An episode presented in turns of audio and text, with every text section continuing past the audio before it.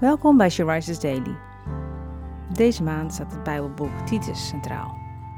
En deze overdenking is geschreven door Teersa Benders.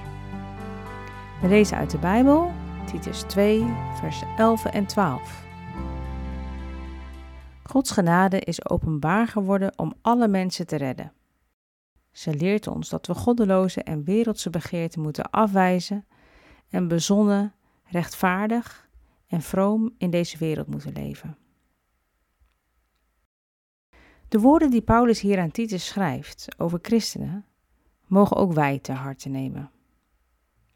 Wanneer je een persoonlijke relatie begint met de Heere God, verandert dat je leven, je hele leven. Het levert vaak ook een innerlijke strijd op.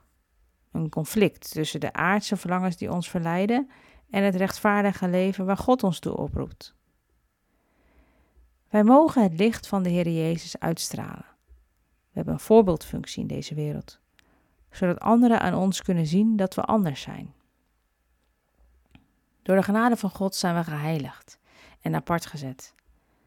Maar van onszelf zijn we niet in staat om de instructies op te volgen die Paulus hier geeft aan hen die God toebehoren. We hebben de hulp van de Heilige Geest nodig om onze wil te veranderen. Hij is het die ons hart het verlangen geeft te gehoorzamen. En daarom bidden we. Heilige Geest, dank u voor het werk dat u in mij en door mij verricht.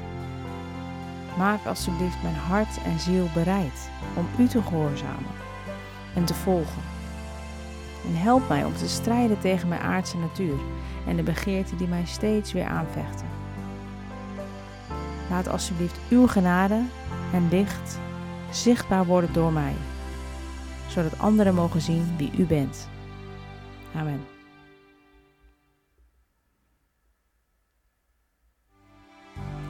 Je luisterde naar een podcast van She Rises.